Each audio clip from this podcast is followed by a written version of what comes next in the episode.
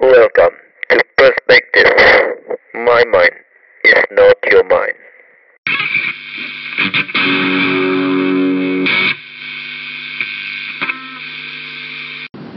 Selamat datang di Perspektif bareng gue Adit.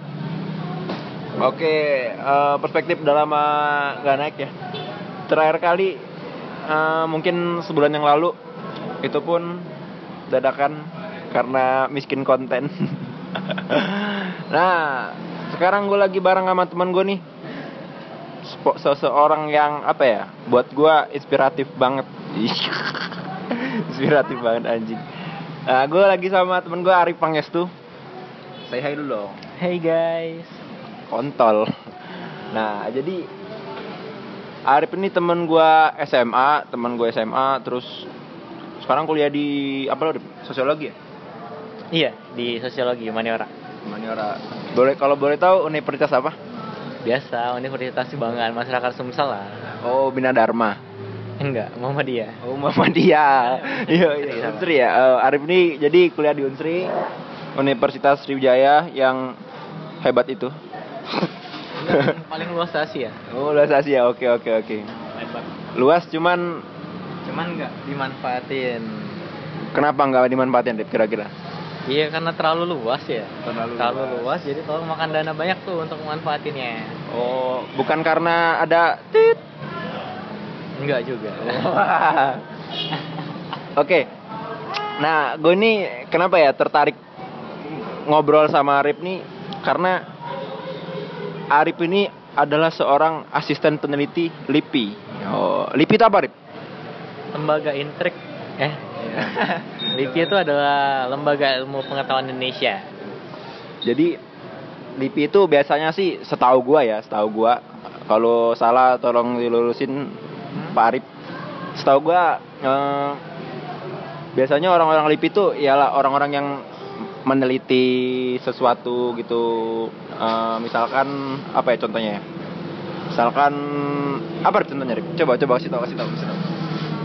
apa ya LIPI itu adalah sebuah tempat berkumpulnya orang-orang yang kerjaannya hobi melakukan riset risetnya juga tuh tergantung dari dana sih sebenarnya Oke. dana sama dari tergantung apa sih yang mau dikaji apa yang mau dibahas sebenarnya jadi LIPI itu adalah tempat berkumpulnya para orang-orang doktor, profesor ataupun anak-anak S2 yang lebih ke akademis sifatnya. Gitu. Eh, misalkan ini nih, misalkan itu tadi kan eh apa ya? Lebih ke akademisi akademisi. Misalkan anak-anak SMA nih, SMA terus tertarik sama yang namanya research itu bisa nggak join LIPI? Bisa sih, ada sih program beberapa program LIPI yang menggait anak-anak SMA. Ada di SMA itu kan biasanya ada ekstrakurikuler KTI, Oke. karya tulis ilmiah. Nah itu sering LIPI nerima karya-karya tulis anak-anak SMA yang Oh gitu. untuk dipublikasikan ataupun mau dijadikan sebuah jurnal. Jadi ya LIPI itu lebih ke apa ya? Lebih ke pendidikan sih, penelitian-penelitian yang lebih ke pendidikan. Terus jurnal-jurnal ya, Jurnal-jurnal juga. jurnal-jurnal gitu-gitu lah pokoknya. Nah, gue pengen tahu nih, Rip. Kan kita tahu nih ya, sama-sama tahu lu dulu SMA tuh seorang yang apa ya gue bilang ya, eh, seksi. Lu nggak nakal, Rip. Lu tuh anaknya soleh, soleh, soleh. Beriman kuat. Nggak jadi. eh, kenapa lu tuh tertarik join sama LIPI gitu terus melakukan penelitian-penelitian gitu tuh kenapa, Rip? Sebenarnya bukan join ya, saya itu diajak awalnya. Diajak. Ketertarikan awalnya itu cuman gara-gara saya itu ikut jadi salah satu mitra lokal LIPI di Palembang. LIPI itu waktu itu pernah ada penelitian di Palembang. Kemudian eh, para peneliti-peneliti senior LIPI itu kebetulan para pemegang-pemegang ya, para pecongnya lah kalau bahasa Palembang kayak. Mengajak saya join untuk sana untuk membantu. Cuman jadi pembantu pada saat itu. Kemudian seiring berjalannya waktu, saya lama kelamaan lengket sama LIPI dan sering ngentolin beberapa senior-senior LIPI dan dijadiin sebuah asisten. Oke. Nah, kalau boleh tahu, eh, kan banyak nih Rip yang lain nih. Misalkan jadi seorang apa ya? eh, apa sih yang kayak yang lain gitu misalkan barista kopi atau tukang nasi goreng, tukang tambal ban. Yang menurut gue tuh bagi sebagian orang tuh asik gitu. Kenapa lo memilih menjadi peneliti? Apa sih asiknya jadi peneliti? Duitnya sih yang asik. Yo yo oke oke oke. enggak, enggak, enggak. Bukan duitnya juga sih. Maksudnya itu pengalaman-pengalaman tersendiri lah ketika kita menjalani sebuah penelitian itu kita bisa merekomendasikan sebuah solusi dari masalah. Merekomendasikan dari sebuah kasus-kasus yang belum pernah terpecahkan sebelumnya secara ilmiah. Oke. Maka masalah tersebut dikaji secara ilmiah, secara teori, secara budaya. Aku aku kan di PMB, Ya. masyarakat dan budaya. Masyarakat dan budaya. Jadi penelitianku tuh lebih tentang ke masyarakat sama budaya. Masyarakat dan budaya. Asik asiknya tuh ya asik nganalisis sebenarnya. Asik nganalisis. Asik bertemu dengan orang-orang yang di lapangan. Asik berdiskusi bertemu. itu aja sih sebenarnya. Untuk find find find a new work lah Oke, ya ya ya. Eh, jadi sebenarnya kalau misalkan oh iya, masa ini nih. Kan orang-orang mungkin jarang dengar kan.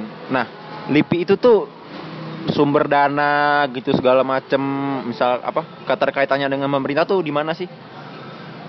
apa ya Jadi LIPI itu lembaga pemerintah. iya lembaga dibawa ke presiden langsung Oh, di bawah presiden. di bawah riset dikti juga Sedikti. Oke, oke. Searching aja lah ya di website LIPI ada kok Iya, iya, iya. Benar, benar juga benar benar. benar. Sorry ya, Mas Arif. Nah, selama jadi peneliti nih, udah berapa lama sih? Udah jadi peneliti? saya semester 4 Semester 4, sekarang itu Semester tujuh. tahun. iya Satu setengah tahun. Kan tadi fokusnya kan lebih ke masyarakat dan budaya kan.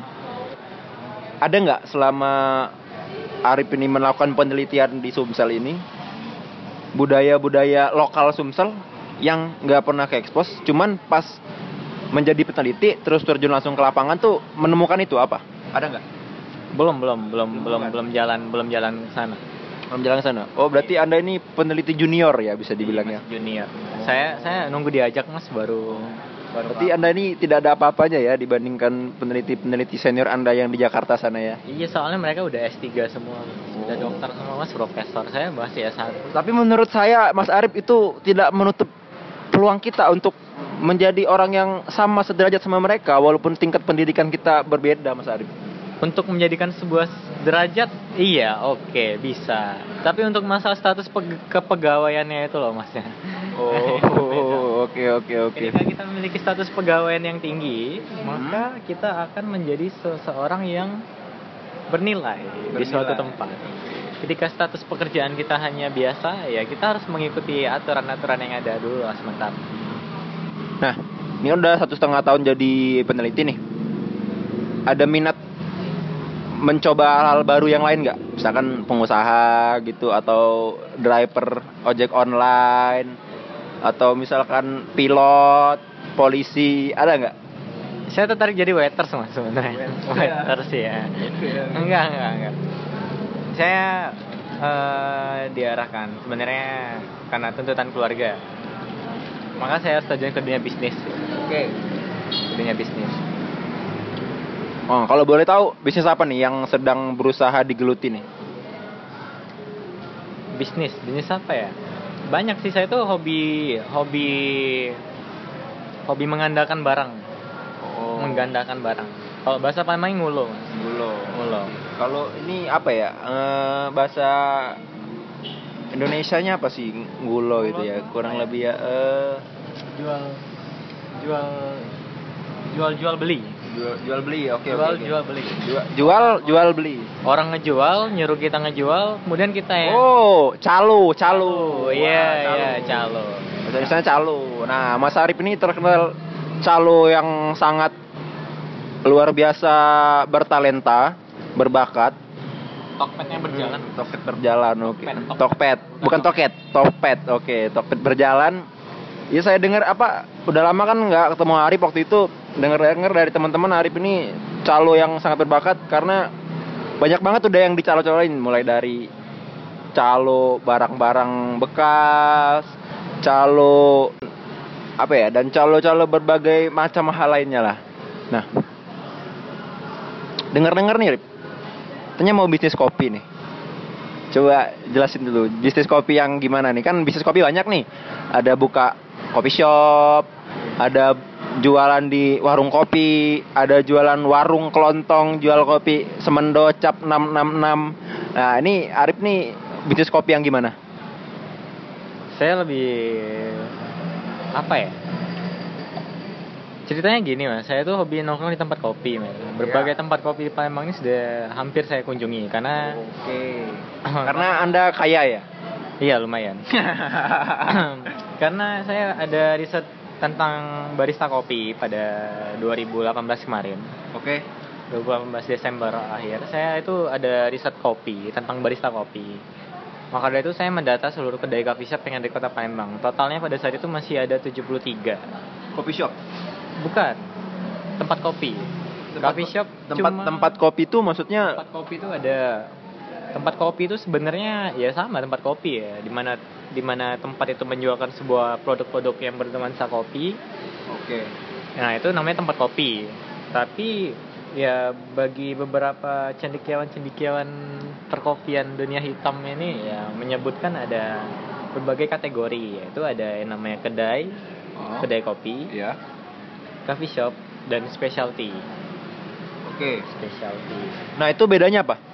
Nah untuk kedai kopi, kedai kopi itu ya ya sama halnya kedai lah ya yang Iya. yang seperti kita ketahui pada saat ini kan kedai kopi sangat sekali menjamur di Indonesia Hmm. terutama kedai kopi ya everybody knows lah kedai kopi itu gimana bentuknya kan kayak gerobak Oh, bernuansa kayu-kayu Mending dengan kayak dengan lampu-lampu ya? kuning Kayak angkringan-angkringan gitu ya. angkringan ya, Ah, kayak kayak oke, oke. angkringan kemudian ada lagi namanya coffee shop ya. Coffee shop tuh itu udah menjunjung sebuah kualitas kopi. Oh. sebuah kualitas kopi di mana coffee shop itu tidak menjual kopi-kopi sembarangan. Maksudnya itu nggak ada kopi yang sangat-sangat hitam di situ. Oke. biji-biji kopi itu nggak ada sangat-sangat hitam. Dalam artian mereka udah mengarah ke full arabica. Full arabica. Seluruh produk kopi yang dijual mereka itu adalah arabica. Tapi mereka tetap menyediakan robusta robusta dengan kualitas yang ditentukan oleh mereka sendiri. Nggak boleh terlalu gosong sampai minyaknya keluar. Ya. nggak boleh hitam pahit pahit pahit aneh gitu di mana ya enggak. Kemudian ada lagi yang namanya specialty. Hmm. specialty itu ya seperti yang kita ketahui specialty itu ialah tempat spesialis kopi. Maksudnya tuh eh, yang memiliki lisensi SACA Oh. ACA gitu loh. Specialty itu ialah produk kualitas kopi yang dijualkan itu ialah sesuai dengan standar SACA Saya tuh standar apa? Internasionalnya kopi gitu. international kopi Oke. Iya, association associationnya The Specialty Coffee Association. Oke, oke, oke. Yang Pakai mesin lah pokoknya. Oh, berarti misalkan coffee shop itu nggak pakai mesin. Jadi bedanya coffee shop sama specialty apa? Kan sama-sama coffee shop kan sama-sama apa ya? Coffee shop tuh udah pakai biji kopi khusus gitu segala macam segala macam. Dan specialty kan juga sama. Nah, terus bedanya apa? Bedanya sama sertifikatnya, Mas. Oh. Iya, ada lisensinya gitu loh, specialty itu. Sepertinya gitu. Sepertinya gitu. Nah, kan kita tahu nih, Sumsel, nah Mas Arif kembali lagi ke background Mas Arif sebagai peneliti kan, dan juga seorang pegiat kopi lah, boleh kita bilang kan pegiat kopi. Kan saya pernah, saya tuh dari kecil kan di Palembang nih, dari kecil di Palembang. Terus sering tuh nyobain kopi semendo gitu-gitu kan, kopi semendo yang cap 66 roda itu. Nah, menurut Mas Arif kopi semendo tuh apa sih? Apa menariknya kopi semendo?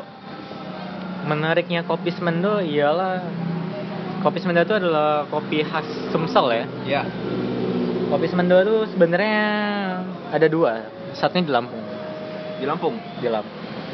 Jadi pada saat itu pada beberapa ratus tahun yang lalu Ya, ya, atau iya, beberapa iya. puluh tahun yang lalu tuh eh, suku adat Semendo Hmm. yang di Muara Enim itu melakukan eh, migrasi, migrasi ke daerah Tanggamus Lampung, Tanggamus ya. Tanggamus Lampung.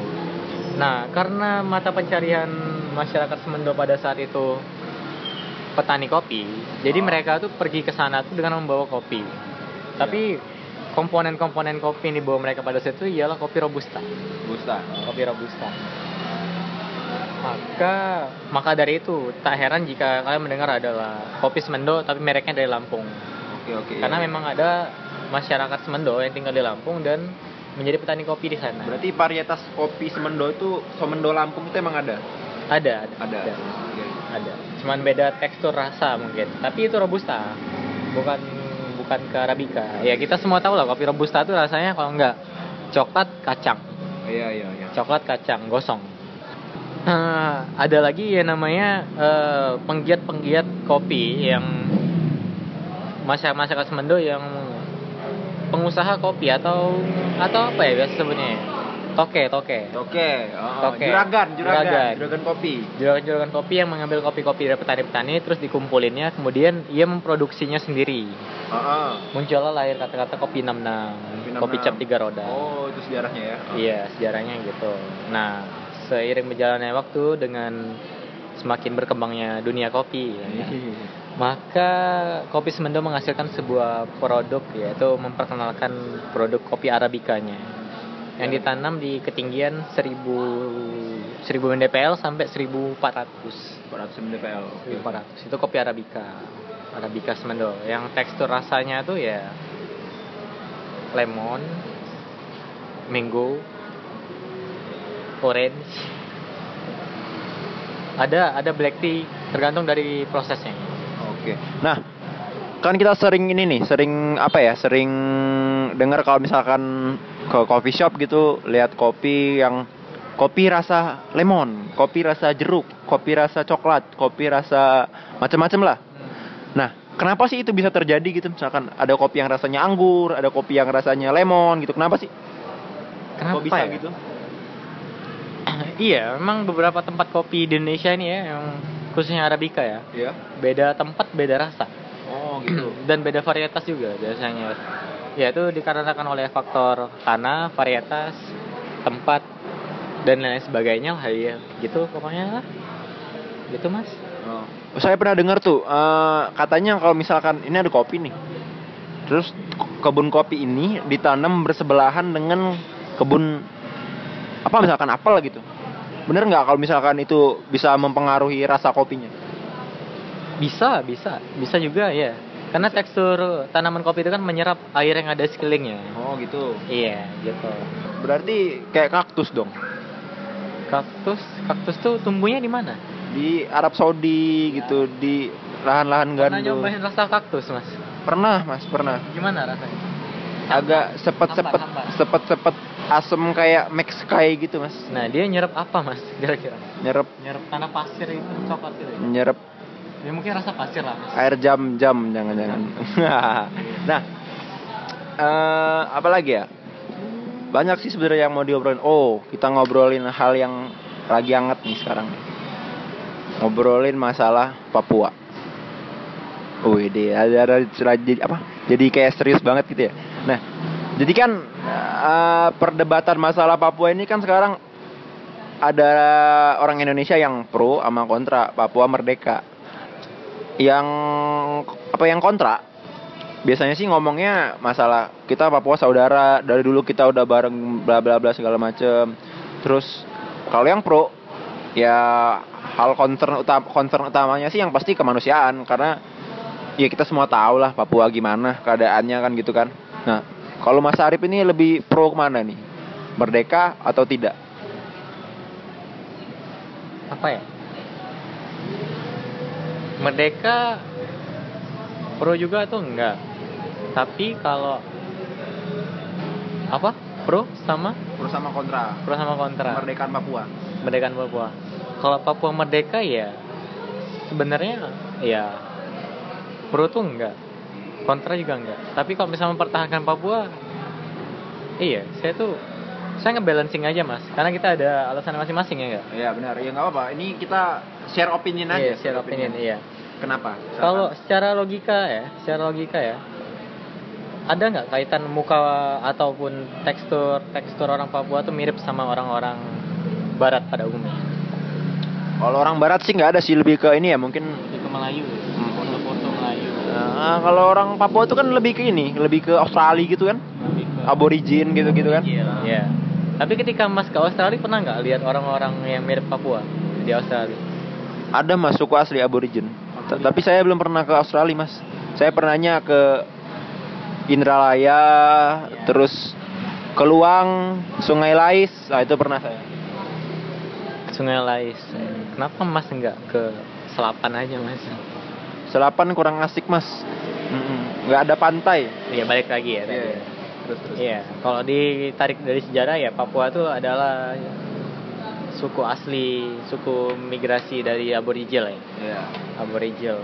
That's why kenapa Papua masuk daerah Indonesia ya karena pada saat itu Papua dikuasain oleh kerajaan Ternate, Ternate. Ternate apa Malu Maluku?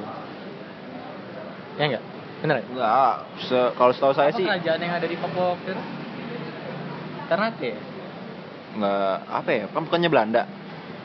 Iya, kerajaan, kerajaan yang nggak pernah dijajah oleh Belanda. Yang di Papua. Ada. Bukannya Bela- bukannya Irian Barat itu dulu kenapa kenapa eh, Papua tuh bisa masuk ke Indonesia karena jadi kan berdasarkan perjanjian yang dibuat sama PBB antara Indonesia, PBB terus Belanda, semua semua wilayah jajahan Belanda itu adalah bagian dari negara Republik Indonesia yang di bagian ASEAN gitu, Asia Tenggara gitu. Nah, itu itu itulah sebabnya kenapa Papua itu bisa masuk ke Indonesia. Karena dulu apa ya karena dulu sewaktu kita merdeka itu Papua masih dalam jajahan Belanda masih masih Belanda banget. Nah makanya pecah pecah konflik Irian Barat konflik Irian Barat operasi apa itu lupa Wikora kalau nggak. Wikora Wikora apa Trikora gitu nah itu sebabnya kenapa Papua tuh jadi bagian dari Indonesia Oh itu ya. Oke. Ya oke lah itulah. Iya, Ah. saya juga paham sebenarnya. Cuma mengetes masnya aja. iya ya oke oke oke Iya. Tapi jika secara logika ya mas ya, eh, tekstur orang Papua tuh dengan orang Barat ya, Oh. seperti kita lah pada umumnya ya, itu nggak ada mirip-miripnya mas. Pertama, pertama maka dari itu ya kalau misalnya mereka mau merdeka ya silakan merdeka, Hah?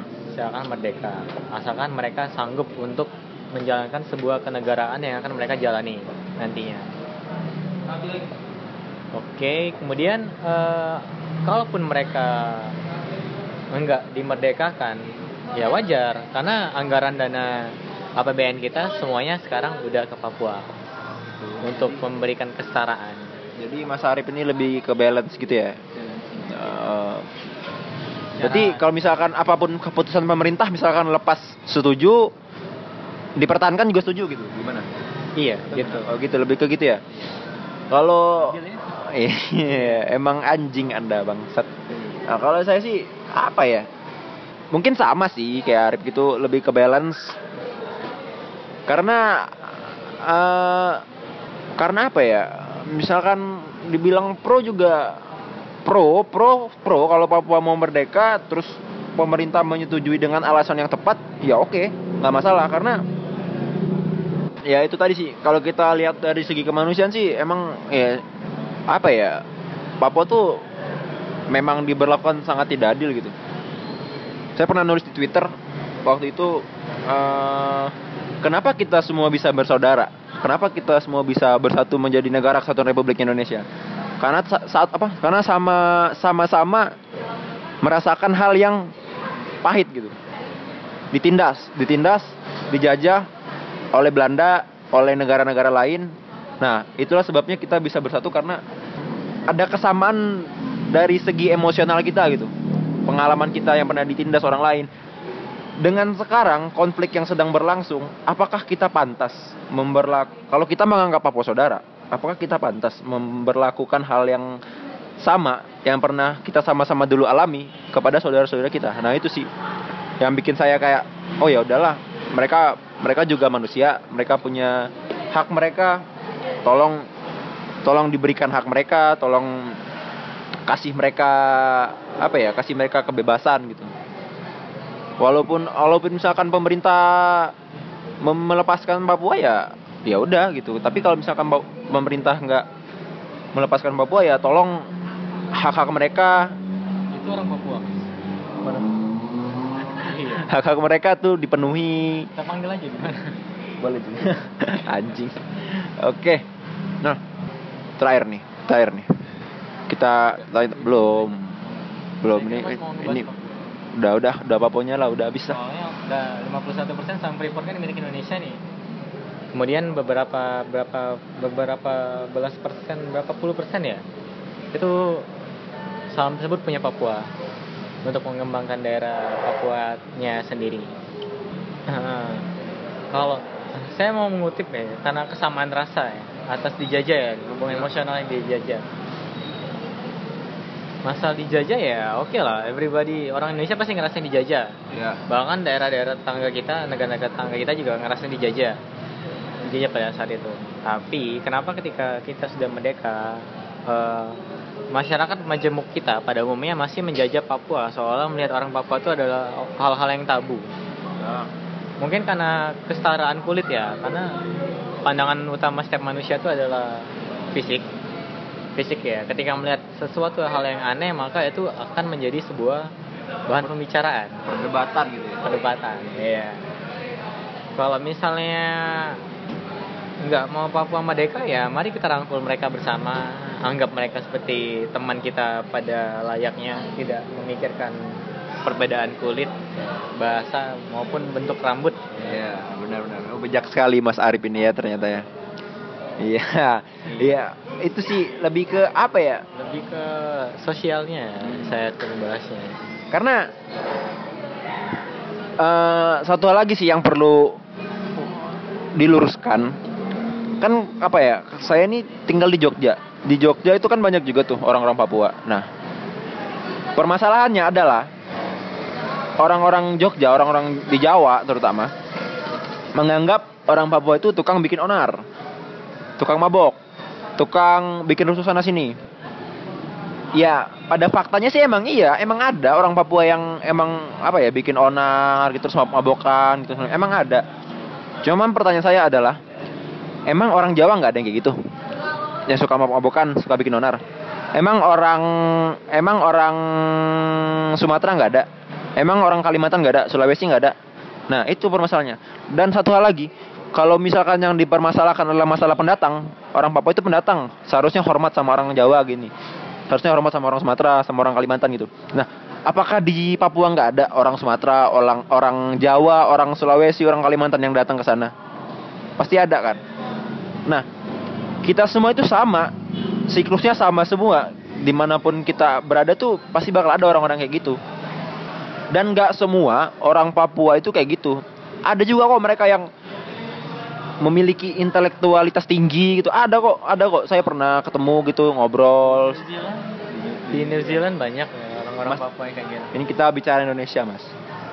oh iya Mas pernah ke Papua mas Belum pernah, Mas. belum pernah ya Tapi saya pernah ngobrol sama orang Papua. pernah ngobrol sama Iya. bagi yang pernah ke Papua ya kita ya khususnya orang Barat ya ke Timur ya eh, kalau misalnya kita ngelihat budaya mereka ya salam perkenalan mereka tuh gimana sih Ah, iya iya iya. tahu nggak gimana Iya, benar. salam perkenalan mereka tuh ialah eh, dengan cara meminum minuman Ah, ngedrang iya. ngedrang minuman-minuman yang mereka minum tuh ya cap tikus Tikus Manado, Mas. Hmm, sejenis cap tikus Oh iya, iya. sejenis sejenis. tapi cap tikus loh mereknya itu mana Oke, oke, oke. cap tikus yang yang ketika kita minumnya tuh seperti kepala kita di bawah dan kaki di atas ketika sudah berlebihan ya Cap tikus, cap lumba-lumba. iya gitu Cap koala. iya salam perkenalan mereka gitu mah Iya. jadi kalau nggak minum-minum tuh ya nggak nggak budaya mereka Ah, ah, bener. Bener juga, iya. bisa Benar, bisa bisa kita iya, ambil gitu. nggak budaya mereka Karena ya emang apa ya? Balik lagi nih, kalau misalkan orang-orang memperdebatkan masalah mabok-mabokan gitu, saya rasa sih di Jawa juga banyak sih minuman-minuman khas kayak bengkonang, itu ciu segala macam itu kan banyak juga kan. Dan apa bedanya? bedanya kontrol sosial di Jawa masih terlalu berlebihan Iya. bukan berlebihan kontrol sosial di Jawa itu kan masih sangat-sangat kuat nih sangat-sangat kuat yang percaya dengan hal-hal yang mistis Ah, benar. taat-taat dengan aturan-aturan sosial mereka yang di mana kalau sesuatu hal yang melenceng dari aturan-aturan kontrol-kontrol sosial itu adalah dianggap sebuah hal yang tabu Natana. maka dari itu ya ya mau salah mau enggaknya ya kalau mau salah ya sama-sama salah Ah, kalau mau bener ya sama-sama ada benernya benar. benernya ialah kita harus memperbesar rasa toleransi kita dan rasa saling mengerti. Iya cara kita mengerti pasangan kita lah gimana Saya nggak punya pasangan mas, sorry. iya oke Soalnya takut terhindar terhin eh, takut melakukan hal-hal yang gitu-gitu mas. oh iya iya Ngerti kan? Yang gitu-gitu kan? Ah, ah. Apa? open bo aja mas Anjing.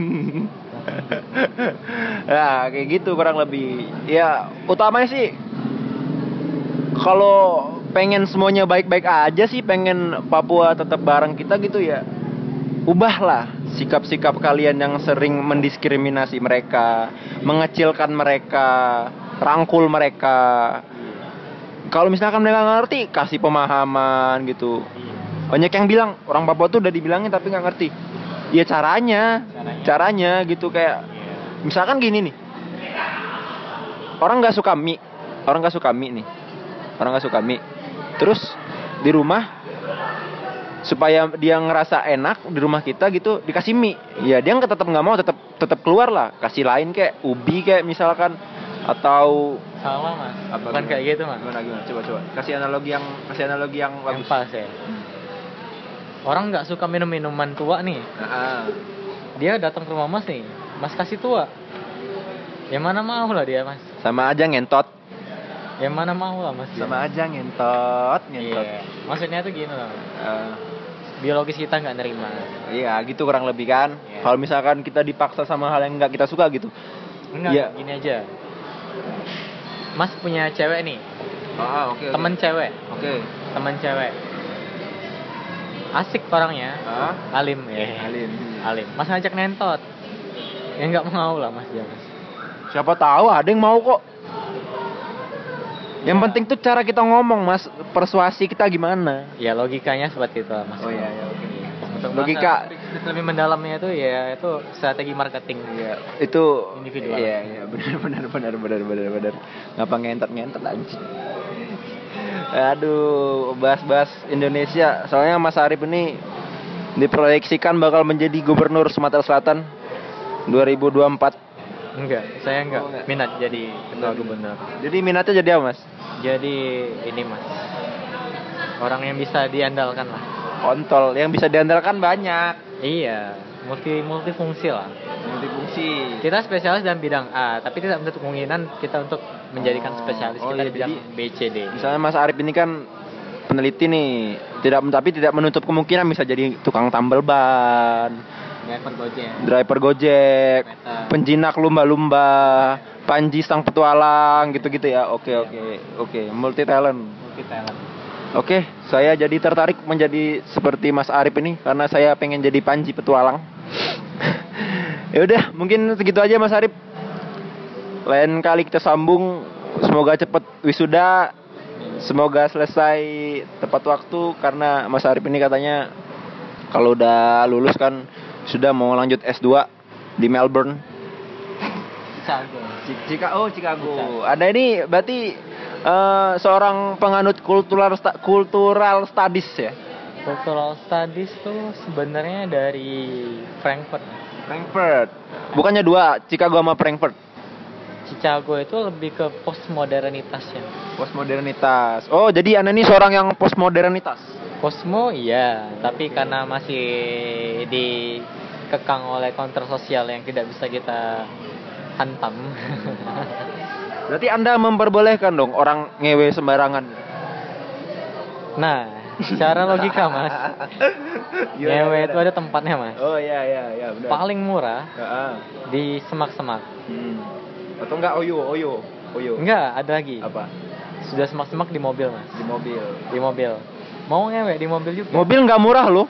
Kalau mobilnya Mini Cooper, CR, eh, CRT Maksudnya aja. itu tempatnya mas Oh, tempatnya. tempatnya Oke, mas oke, oke. iya kalau mas ngewe di mobil tapi di pinggir jalan ya mas ya pinggir jalan raya ya ya itu enggak attitude juga mas Jadi misalkan kita ngewe di mobil, cuman mobilnya di dalam kamar hotel gitu. Jadi gimana? enggak enggak juga mas Oh, enggak juga. saya bilang tempat mas ya Oh, tempat. Oke, oke, tempat oke. tempat oke. strategis gitu Oke, oke, iya, iya. tempat-tempat strategis ya Iya, iya. kalau untuk masalah udah koyo ataupun dan Ah. berbagai macam jenis lainnya itu balik lagi kenyamanan Oke, oke, oke. kenyamanan BTW, kalau orang Posmo boleh BO dong? boleh BO boleh Boleh. boleh, Boleh. sebenarnya nggak harus jadi orang bos juga mau BO karena untuk hasrat nafsu biologis manusia itu kan kita tidak tahu ya nggak iya. iya ada yang sangean ada yang agak-agak sange dikit tapi langsung BO gitu. ada yang sangean nggak ada duit tapi nonton bokep ya, ya macam-macam lah mas ya kayak saya lemes itu, nggak ada duit. BO ini mas soalnya BO mahal, habis itu haram, haram Mm, haram. saya Nggak- minum bir ini aja haram mas sebenarnya. Nggak bo- nggak boleh mas. Saya ini udah ini 80% mau hijrah ini. Udah fix mengumpulkan niat hijrah. Habis tamat kuliah naik haji udah hijrah. Jadi ustadz jadi Abdul Somad gitu Ustadz Abdul Somad. Kayak kayak Ustadz Abdul Somad gitu. Ustadz dari Sulaiman gitu. mungkin sekian dulu Mas Arif tadi udah tutup ya anjing kok nambah lagi? Sekian dulu ya Mas Arif. Semoga sukses. Sehat selalu. Semoga lancar semua perjalanan duniawinya. Karena kita udah berbeda visi misi Mas Arif. Saya udah perjalanan akhirat. Anda masih dunia. Ya mungkin itu dulu aja. Sekian perspektif kali ini gue airin. Gue Adit. Dah